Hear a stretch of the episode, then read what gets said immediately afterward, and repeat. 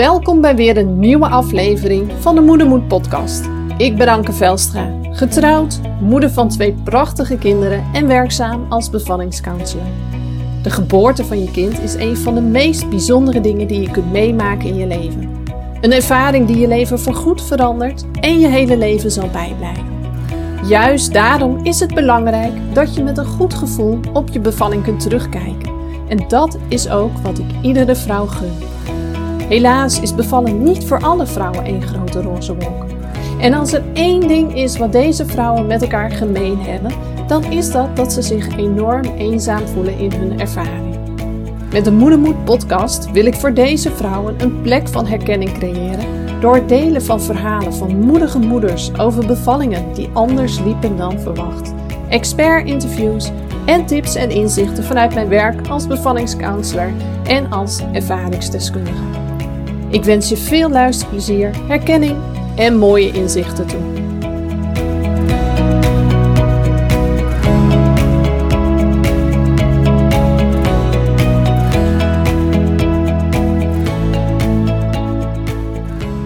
Hey, daar ben ik weer. Weer een nieuwe aflevering van de Moedermoed podcast. En alweer de laatste aflevering uit een door mezelf opgelegde challenge uh, om drie podcasts per week uh, te maken. Uh, ik vond het super leuk om te doen. Het was uh, voor mezelf ook wel heel waardevol. Uh, in die zin dat ik gewoon met mezelf een keiharde afspraak had gemaakt van dit is wat ik ga doen en ik ga me eraan houden. En ik heb me eraan kunnen houden.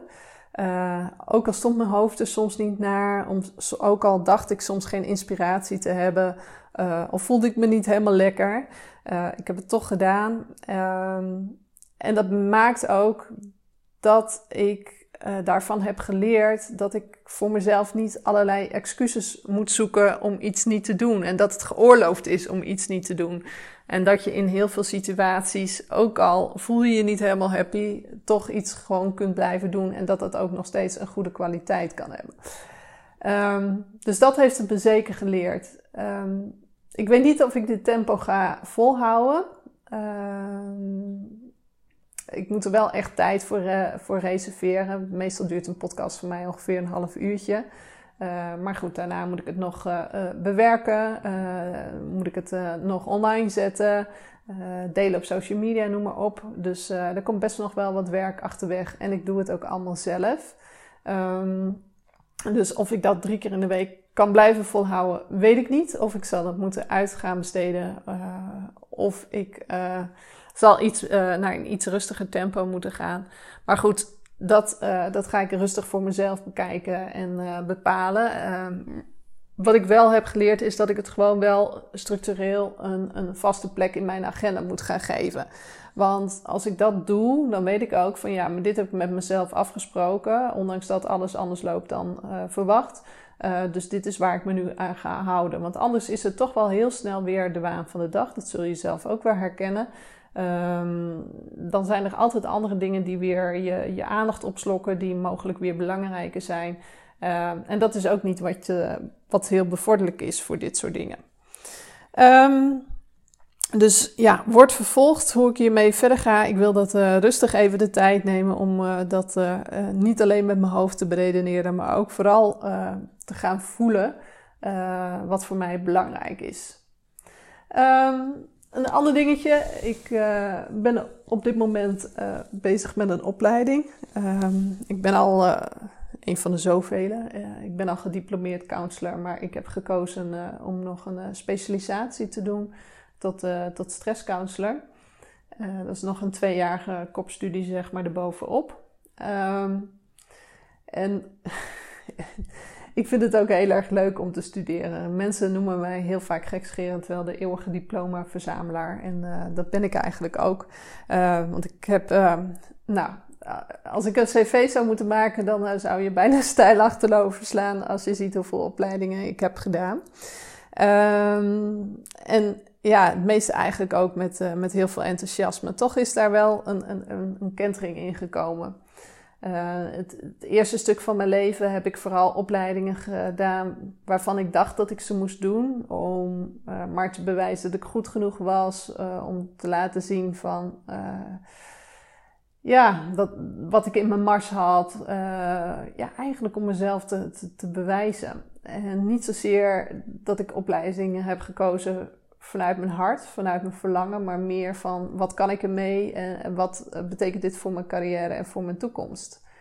Um, maar echt happy met die keuzes was ik niet, om heel eerlijk te zijn. En na mijn burn-out uh, en uh, mijn trauma, zeg maar, um, is daar een hele, hele kentering in gekomen. En ben ik eigenlijk veel meer gaan kiezen vanuit mijn hart, vanuit mijn verlangen. Van wat vind ik nu eigenlijk echt leuk wat brengt mij verder als persoon. Waarin ontwikkel ik niet alleen mijn cognitieve vaardigheden verder, maar ook um, mijn, hele persoonlijke ontwikkeling.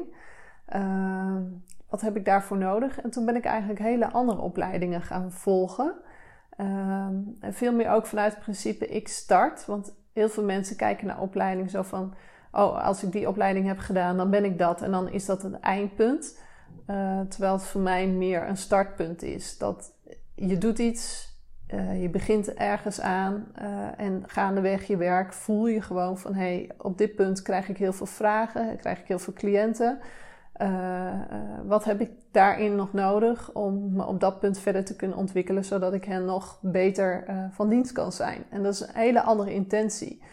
Plus je merkt ook als je op deze manier werkt, ehm, waar je echt warm van loopt, waar, waar je nou echt enthousiast van wordt. En datgene waar je heel enthousiast van wordt, er zit een enorme positieve drive achter om, om dat te gaan doen.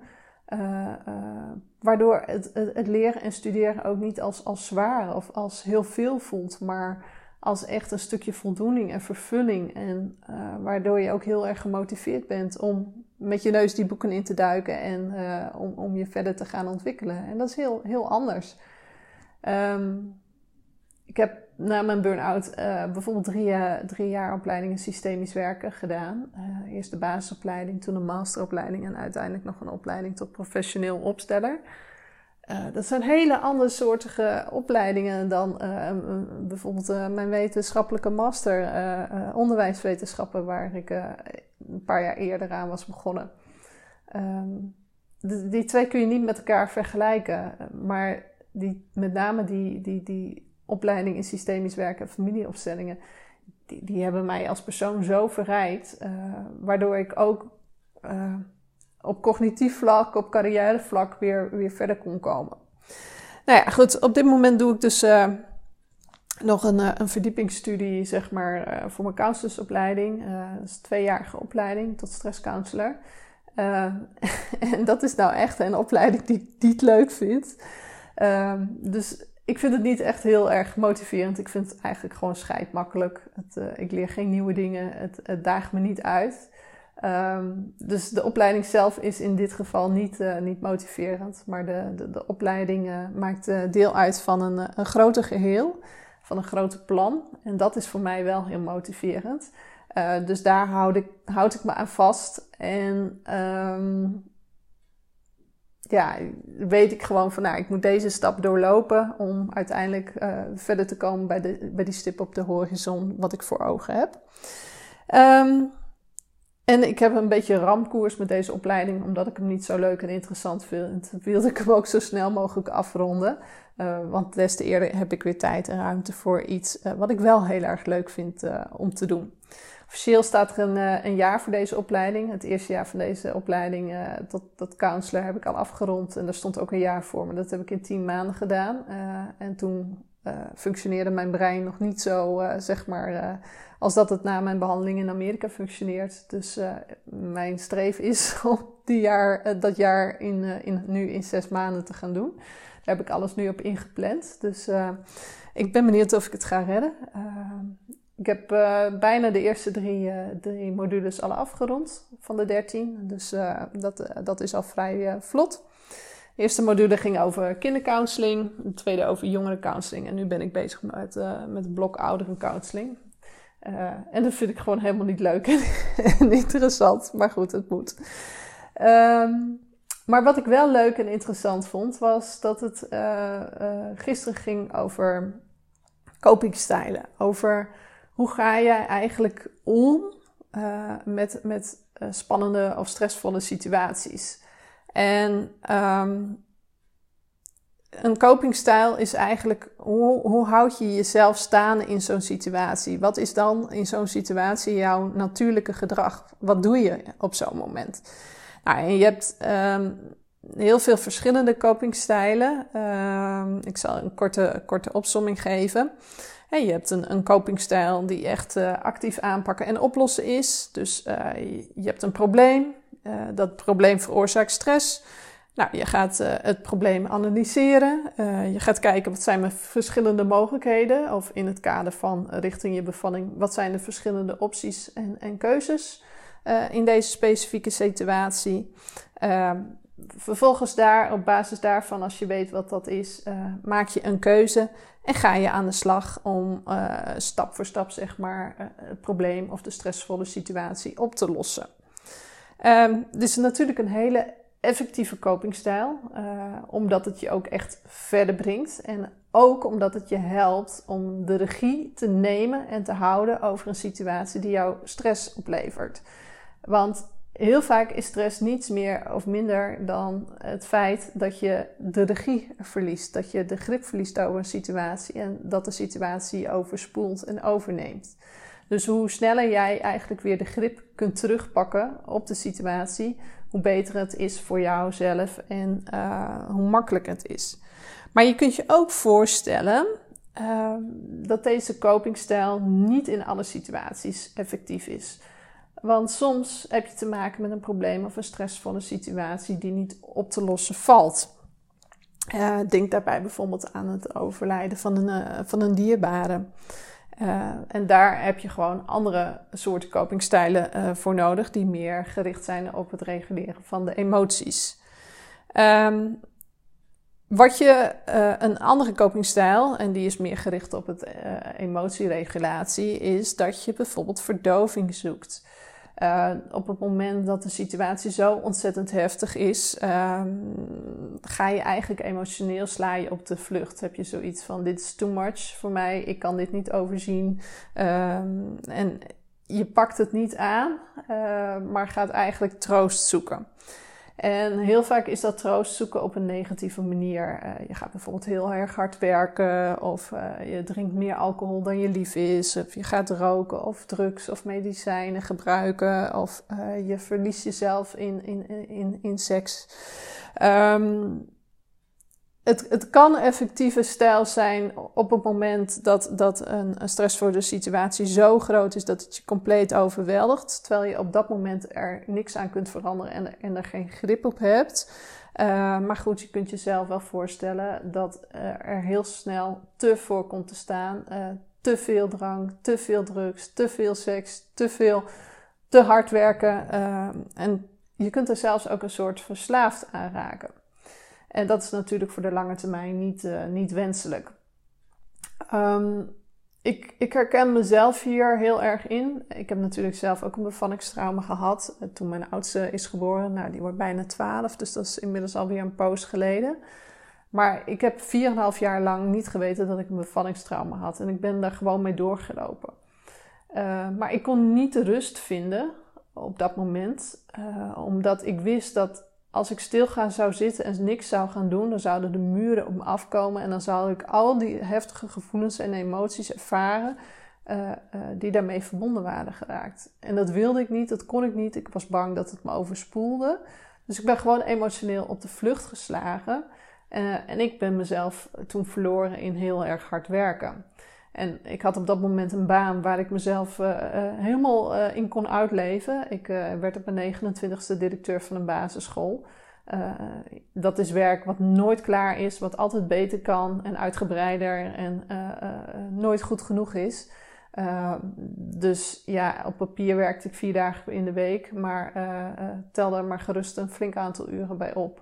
Want zelfs op mijn vrije dag, s'avonds of in het weekend, ging die laptop nog regelmatig open om nog uh, dingen te doen. Um, op dat moment was het helpend voor mij en hielp het mij ook om mezelf staande te houden. Uh, want ja, ik was gewoon heel erg bang dat op het moment dat ik alles zou toelaten, wat er aan gevoelens en emoties zou zitten, uh, dat het me zou overspoelen. Maar ja, op de lange termijn was het gewoon wel echt heel schadelijk. Want dat hele harde werken, dat heeft me uiteindelijk de kop gekost. En een paar jaar later zat ik met een forse burn-out thuis. En toen kwam ook het bevallingstrauma nog volledig aan, naar de oppervlakte. Nou, een andere copingstijl die je ook uh, regelmatig ziet is vermijding. Dat het probleem gewoon wordt ontkend uh, of vermeden. Je doet net alsof het er niet is en je duikt ervoor weg. Je wilt het er liever niet over hebben of je doet net alsof het niet aan de hand is. En je steekt je kop in het zand. Um, iets wat ik ook wel geregeld tegenkom met vrouwen die, die angst hebben voor de bevalling. heel lang stellen ze zeg maar het uit om daar iets mee te doen. Uh, omdat ze gewoon weten van ja, dat, dat is pittig. En dan soms nog een paar weken voor de bevalling komen sommige vrouwen nog bij me voor traumaverwerking. Omdat ze dan toch nog tot het uh, besef komen van ja, maar als ik met mijn uh, trauma van mijn vorige bevalling deze bevalling in moet gaan, dan, dan komt het niet goed. dus dat gebeurt. Een andere copingstijl is sociale steun zoeken. Dus je, gaat uh, steun, begrip, troost zoeken bij anderen. Je vraagt hulp om het probleem samen met anderen te kunnen oplossen. Uh, hier kun je bijvoorbeeld denken, social media speelt hier ook een grote rol in. Hè? Je hebt uh, op Facebook bijvoorbeeld verschillende groepen over allerlei thema's en onderwerpen. waar je anderen kunt vinden die in een soortgelijke situatie zitten en waar je met elkaar kunt verbinden.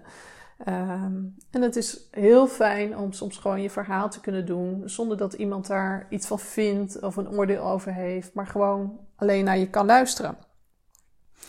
En over het algemeen is dit een goede copingstijl. Um, behalve wanneer er echt een trauma speelt, dan zou ik deze copingstijl niet uh, kiezen, want soms kan het zelfs de traumasymptomen versterken.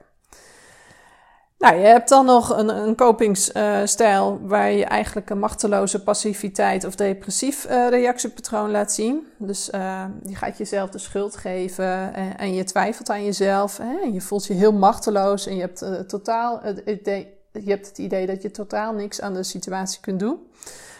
en komt vervolgens ook niet in actie en gaat ook niks ondernemen.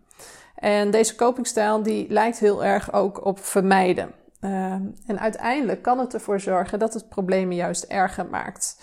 Ehm, soms kan het werken, want sommige problemen lossen zichzelf ook op zonder dat je daar een actieve rol in hoeft te spelen, maar heel vaak ook niet. Um, nou ja, dan heb je uh, een copingstijl die echt gericht is op het uiten van je emoties. dat je alles eruit gooit, je spanning, je frustratie, je boosheid. Uh, soms zelfs op een agressieve, uh, zelfs tikkie asociale manier. Um, voor jezelf kan het heel fijn voelen en heel opluchtend voelen. Maar goed, de mensen om je heen, je omgeving, zijn er vaak wat minder blij mee. Um, soms kan het heel helpend zijn om alles wat, wat er zit, wat je al heel lang wegdrukt, een keer flink uit te gooien. Ik, ik, ik weet nog wel dat toen ik met mijn trauma aan de slag was dat, dat ik heel erg boos en verdrietig was over alles wat er is gebeurd. En uh, ik had op dat moment zat ik ook in een revalidatietraject en de fysiotherapeuten, ik ken haar nog steeds. En als je dit luistert, dan uh, weet je precies dat ik het over jou heb. Uh, iemand die ontzettend waardevol voor mij is geweest in het proces die heeft me echt op een gegeven moment gewoon een handdoek in de handen gegeven. Van alsjeblieft, sla het eruit. Hier heb je de handdoek. Sla maar op die tafel, op die behandeltafel. Die voelt toch niks. Sla het eruit. Een andere sessie heeft ze me laten boksen. Tegen een boksbal. En ook tegenaan laten trappen.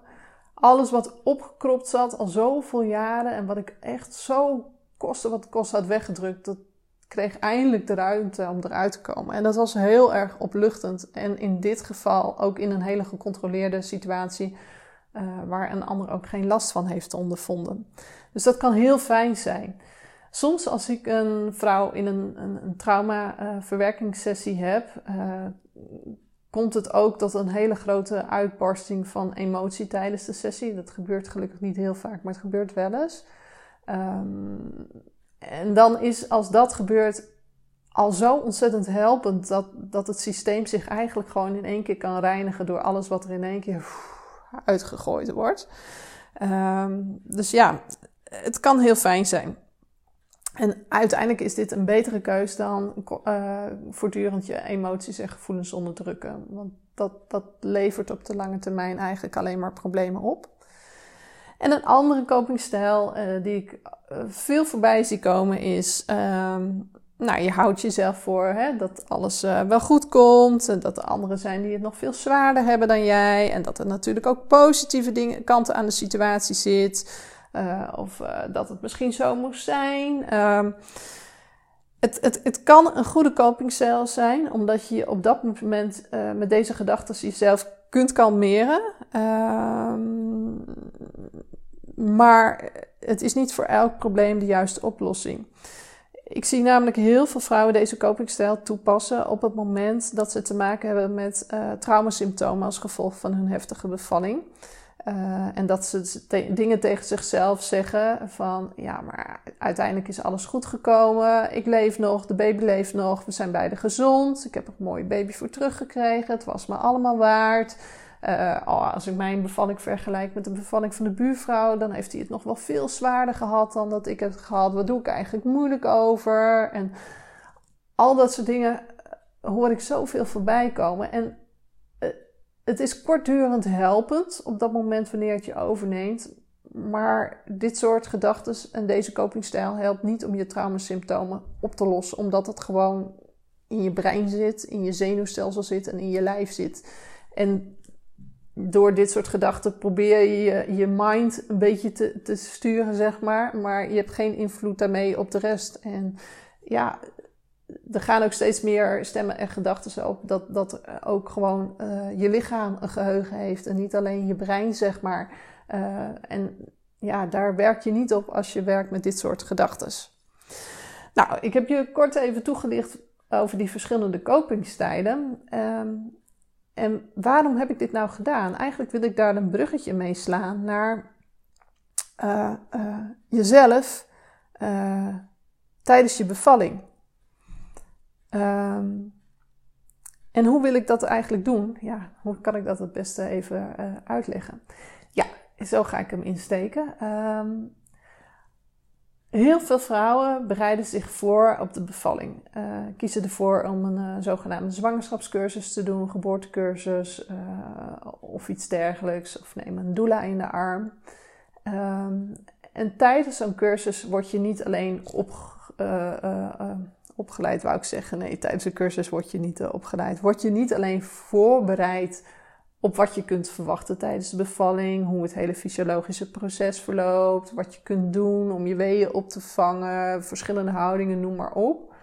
Um, maar heel veel van deze cursussen zijn er ook op gericht um, op een stukje autonomie, op een stukje regie nemen over het geboorteproces in plaats van alles gebeuren. Omdat we daar als, als, als uh, mensen werkzaam in de geboortezorg uh, en helpen voorbereiden op bevalling met elkaar wel over eens zijn dat dat heel erg belangrijk is voor uh, de vrouw in kwestie, voor de barende.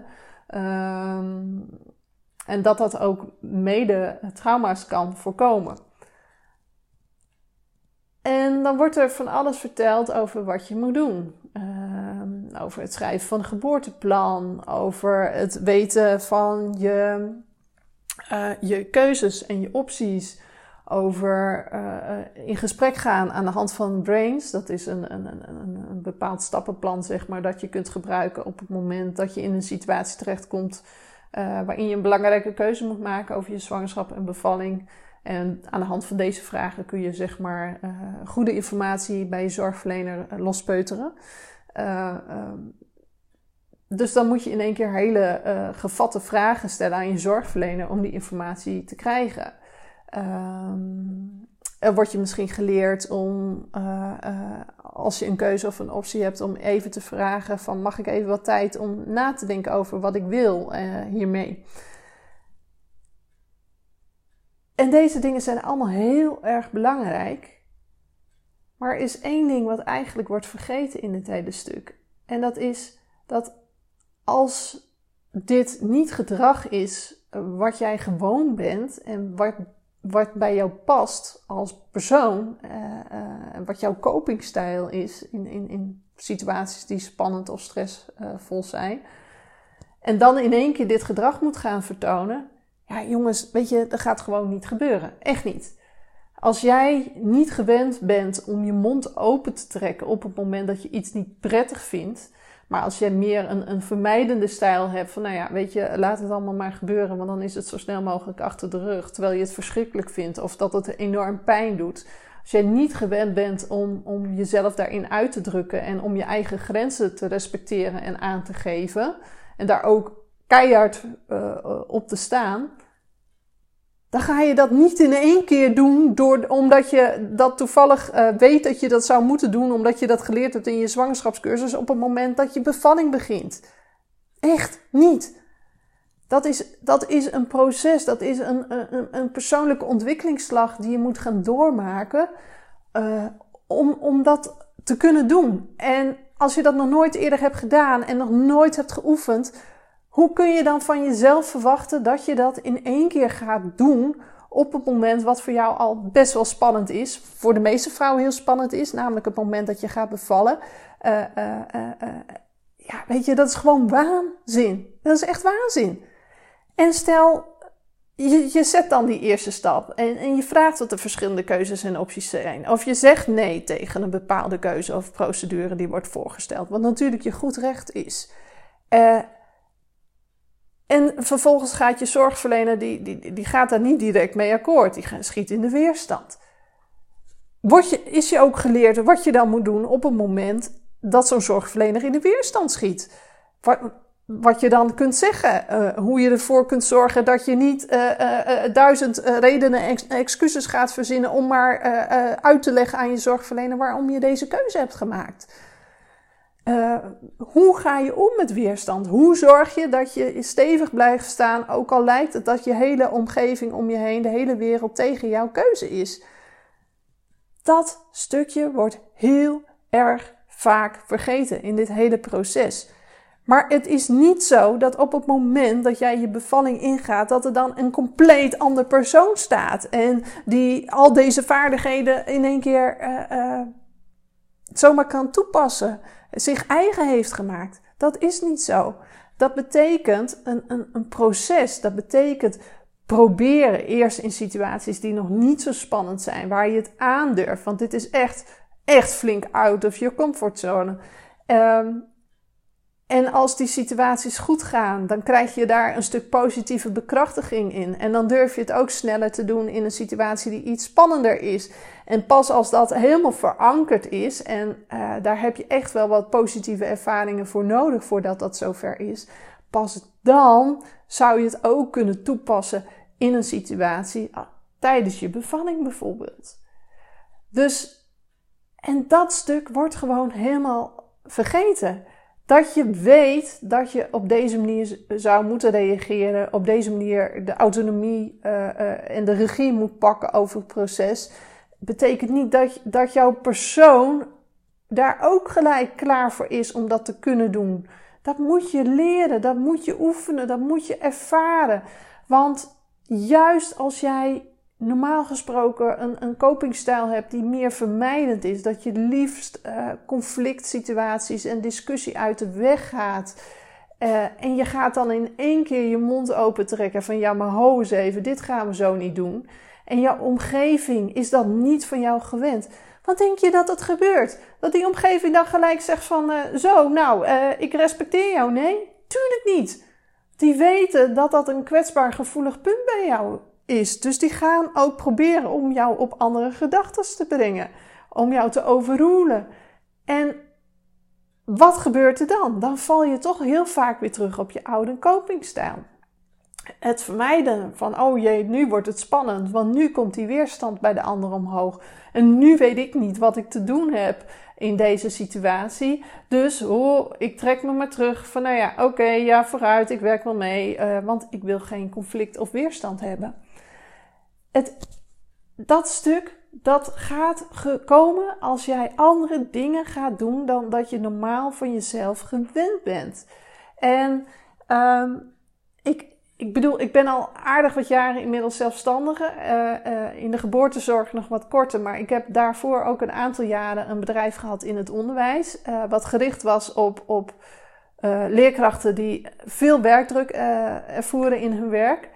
Um, en daar heb ik dit proces ook helemaal mee gelopen. Want dat waren over het algemeen ook mensen die overal maar ja en amen op zeiden. Maar er vervolgens uh, enorm van baalden uh, dat ze weer een opdracht of een klus hadden aangenomen. Terwijl hun agenda al helemaal vol zat en hun hoofd erbij. Uh, dus ook die moesten daarin groeien en in ontwikkelen om dat te doen. En eerst gewoon heel simpel in een rollenspel tijdens de training. Ga het maar eens een keer proberen en voel me wat er gebeurt. En weet je wat er bij stuk voor stuk iedereen gebeurt? Dat op het moment dat jouw nee niet werd gerespecteerd uh, en er weerstand was bij de ander, zag je bij iedere keer gebeuren dat ze weer in hun oude rolpatronen, in hun oude copingstijl vielen. Of dat ze enorm gingen uitleggen: ja, maar uh, uh, mijn zus is morgen jarig, uh, mijn paard is ziek. weet je, en dat hoeft helemaal niet. Weet je, je hoeft een ander niet uit te leggen waarom jij ja of nee kiest voor iets. Het is jouw beslissing en dat heeft men te respecteren. Maar doordat je die vaardigheid niet hebt ontwikkeld, niet hebt geoefend en niet hebt getraind, weet je niet hoe je moet reageren in zo'n situatie. En dan val je terug op datgene wat je altijd hebt gebruikt in deze situaties. Dus eerst trainen we dit gewoon tijdens een, een trainingsdag in, in een rollenspel tegenover elkaar. En vervolgens zijn we daar verder in gegaan en kregen ze de opdracht mee: ga die vaardigheid eens oefenen in een situatie die uh, uh, redelijk simpel is om het, uh, het eens te ervaren met iemand die, die je goed kent of die je vertrouwt, bijvoorbeeld je partner. en van daaruit steeds verder. En als ik ze dan na een paar weken weer terugzag in de training en we ook terugkwamen op het moment van: hé, hey, hoe is dit gegaan? Uh, dan konden we daar ook over sparren en op reflecteren. En heel langzaam zag je dan het proces op gang komen en zag je gebeuren dat die mensen bij zichzelf uh, uh, leerden en ervoeren. Het kan ook anders, maar dat is een ontwikkelproces. Dus je neemt je eigen persoon zoals je bent, zoals je bent gegroeid door alles wat je hebt meegekregen in je opvoeding, alles wat je hebt meegemaakt in het leven, hoe je bent gevormd, hoe jij je hebt staande gehouden in lastige situaties, dat neem je allemaal mee op het moment dat je die bevalling ingaat.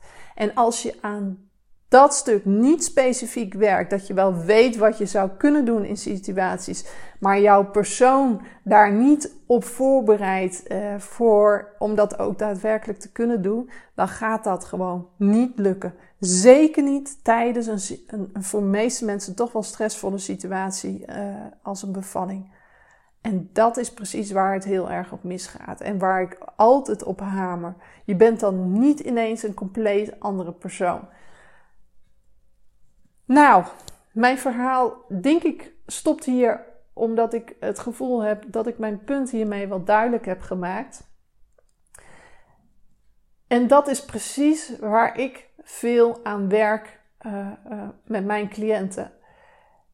En soms is dat ook iets waar mijn cliënten liever niet aan werken. Of uh, dat dat gewoon niet passend is voor hen. En op zo'n moment mijn, kiezen sommige van mijn cliënten er bijvoorbeeld voor mij als doula aanwezig te zijn, zodat ik ze op dat moment kan helpen of, of uh, kan herinneren aan dit uh, hele stuk.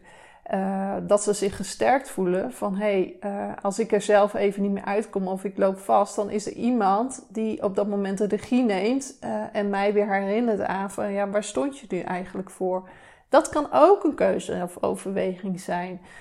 je kunt het kiezen om het allemaal zelf uh, te, gaan doen en je daar goed op voor te bereiden. Of je kunt kiezen van ik schakel hulp in, uh, zodat ik in ieder geval iets heb achter de hand waar ik op terug kan vallen op het moment dat ik het zelf niet meer kan en dat mijn geboortepartner dat ook niet meer kan. En beide zijn oké. Alleen je moet je er wel van bewust zijn en daar ook iets mee doen. Um, en als je weet dat je van jezelf gewoon niet iemand bent die snel met de vuist op tafel slaat en, en, en staat voor uh, wat, wat je graag wilt, dan zul je op dat moment of op dat stuk moeten ontwikkelen om op het moment dat je het nodig hebt tijdens je bevalling ook daadwerkelijk tot uitvoer te kunnen brengen. En als dat lukt, is het gewoon echt magic. En ik heb dat recent van zomer bij één cliënte meegemaakt. Dus hebben heel erg op dit proces gezeten. En het was echt fantastisch om te zien wat er gebeurde en hoe ze dit ging, ging toepassen. En uh, ik weet, als, als je deze podcast uh, luistert, weet je precies uh, dat ik jou bedoel. Ik ga je niet met naam en toenaam noemen. Ik ga ook niet te, te specifiek vertellen, want ik vind privacy van mijn cliënten heel erg belangrijk. Maar het was zo gaaf om te zien dat op een gegeven moment tijdens de bevalling werd ze een bepaalde richting opgeduwd die voor haar niet goed voelde. En dat ze zei van, oké, wat zijn mijn keuzes en opties in deze? En dat ze dus twee verschillende keuzes kreeg voorgelegd. En dat ze toen zei van, kom straks maar even terug, ik wil er even over nadenken. En dat dat gewoon werd geaccepteerd en dat die artsassistent gewoon een kwartier later terugkwam om uh, de keuze te bespreken. En achteraf zei ze ook tegen mij van, goh, wat was dat eigenlijk cool en gaaf om te doen, dat ik dat gewoon kon. Dat wist ik helemaal niet van mezelf. En dat was zo fantastisch om te zien. Ik hoefde daar verder helemaal niks meer in te doen. Dat was haar eigen ontwikkeling geweest die haar in staat stelde om dit te kunnen doen tijdens de bevalling. En ze zei ook van, ik ben zo blij dat ik dit, dit stukje heb geleerd en gedaan. Want ik zou dit sowieso wel wat meer in mijn leven kunnen gebruiken. Dus alles wat ik daar nu over heb geleerd, dat neem ik ook weer mee voor de toekomst. En dat vind ik zo fantastisch, gaaf, gaaf. Daar word ik echt helemaal enthousiast van. Dat merk je van aan mijn stem dat mensen die ontwikkelstap en slag maken. En misschien is dat wel het stukje waarin ik mij in mijn werk onderscheid uh, ten opzichte van een heleboel andere collega's. Dat ik niet alleen vertel van zo zou je het moeten doen, uh, maar ook je leer, ja maar hoe doe je dat dan? Wat betekent dat voor jou als persoon? Welke stappen heb jij als persoon te zetten? Want je neemt jezelf mee in elke situatie om dat daadwerkelijk te kunnen doen. En om dat te oefenen en te trainen. En om je daar bemoediging in te geven. En complimenten en veren in je kont. Van jee, dat heb je goed gedaan. Dat heb je goed aangepakt. Want dit is rete, rete spannend. Als jij voor die eerste keer met je vuist op tafel slaat en zegt van jongens, zo gaan we het niet doen. Want ik ben er ook nog en ik wil iets heel anders. Dat is zo ontzettend veel moed voor nodig om dat te kunnen doen als je dat nog nooit eerder hebt gedaan.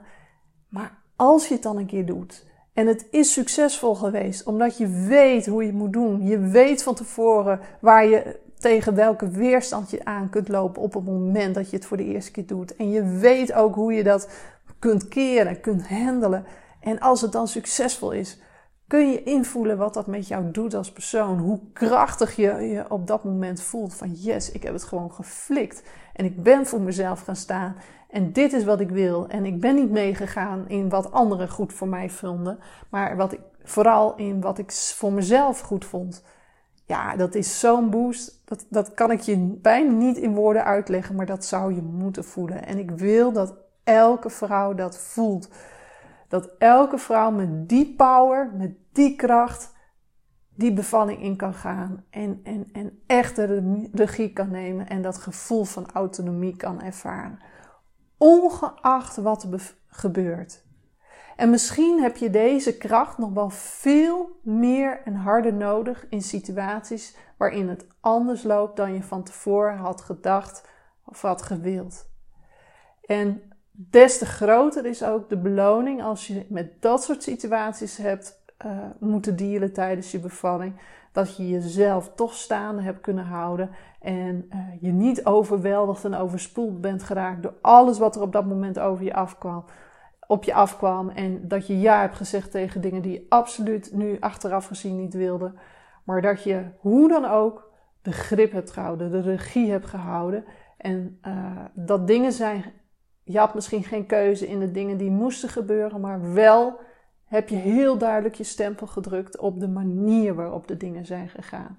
Met respect, met inachtneming van jou als persoon. En dat is waar het over gaat. En dat is wat ik wil dat elke vrouw uh, kan en mag ervaren tijdens haar bevalling. En daar wil ik je heel graag helpen om je daarop voor te bereiden.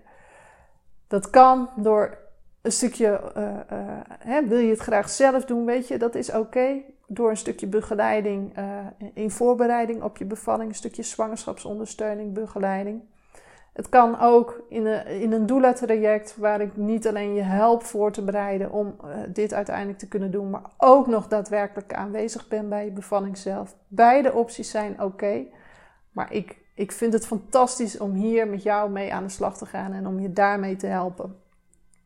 En als je na het luisteren van deze podcast zoiets hebt van ja, dit gaat over mij, dit is precies waar het over gaat bij mij en waar ik een stukje in mis en waar ik hulp bij kan gebruiken, alsjeblieft Laat me weten. Stuur me een berichtje via contact.ankervelster.nl of via social media. Uh, en we gaan in gesprek. We gaan gewoon eerst eens laagdrempelig uh, kennis maken. En kijken waar staan we en wat zou ik daarin voor je kunnen doen. Nou, super leuk dat je weer hebt geluisterd. Helemaal tot het einde. Ik zal zien. Oh jeetje, ik ben bijna 40 minuten aan het oude hoeren geweest. Dat is uh, behoorlijk wat. Dus ik vind het super cool als je helemaal uh, het hebt geluisterd uh, tot op het laatst. Um, en ik, ik, ja, ik hoop heel graag weer tot een volgende podcast dat ik je daarin weer mag inspireren. Alvast een fijn weekend, want het is vrijdag. En heel graag tot de volgende keer.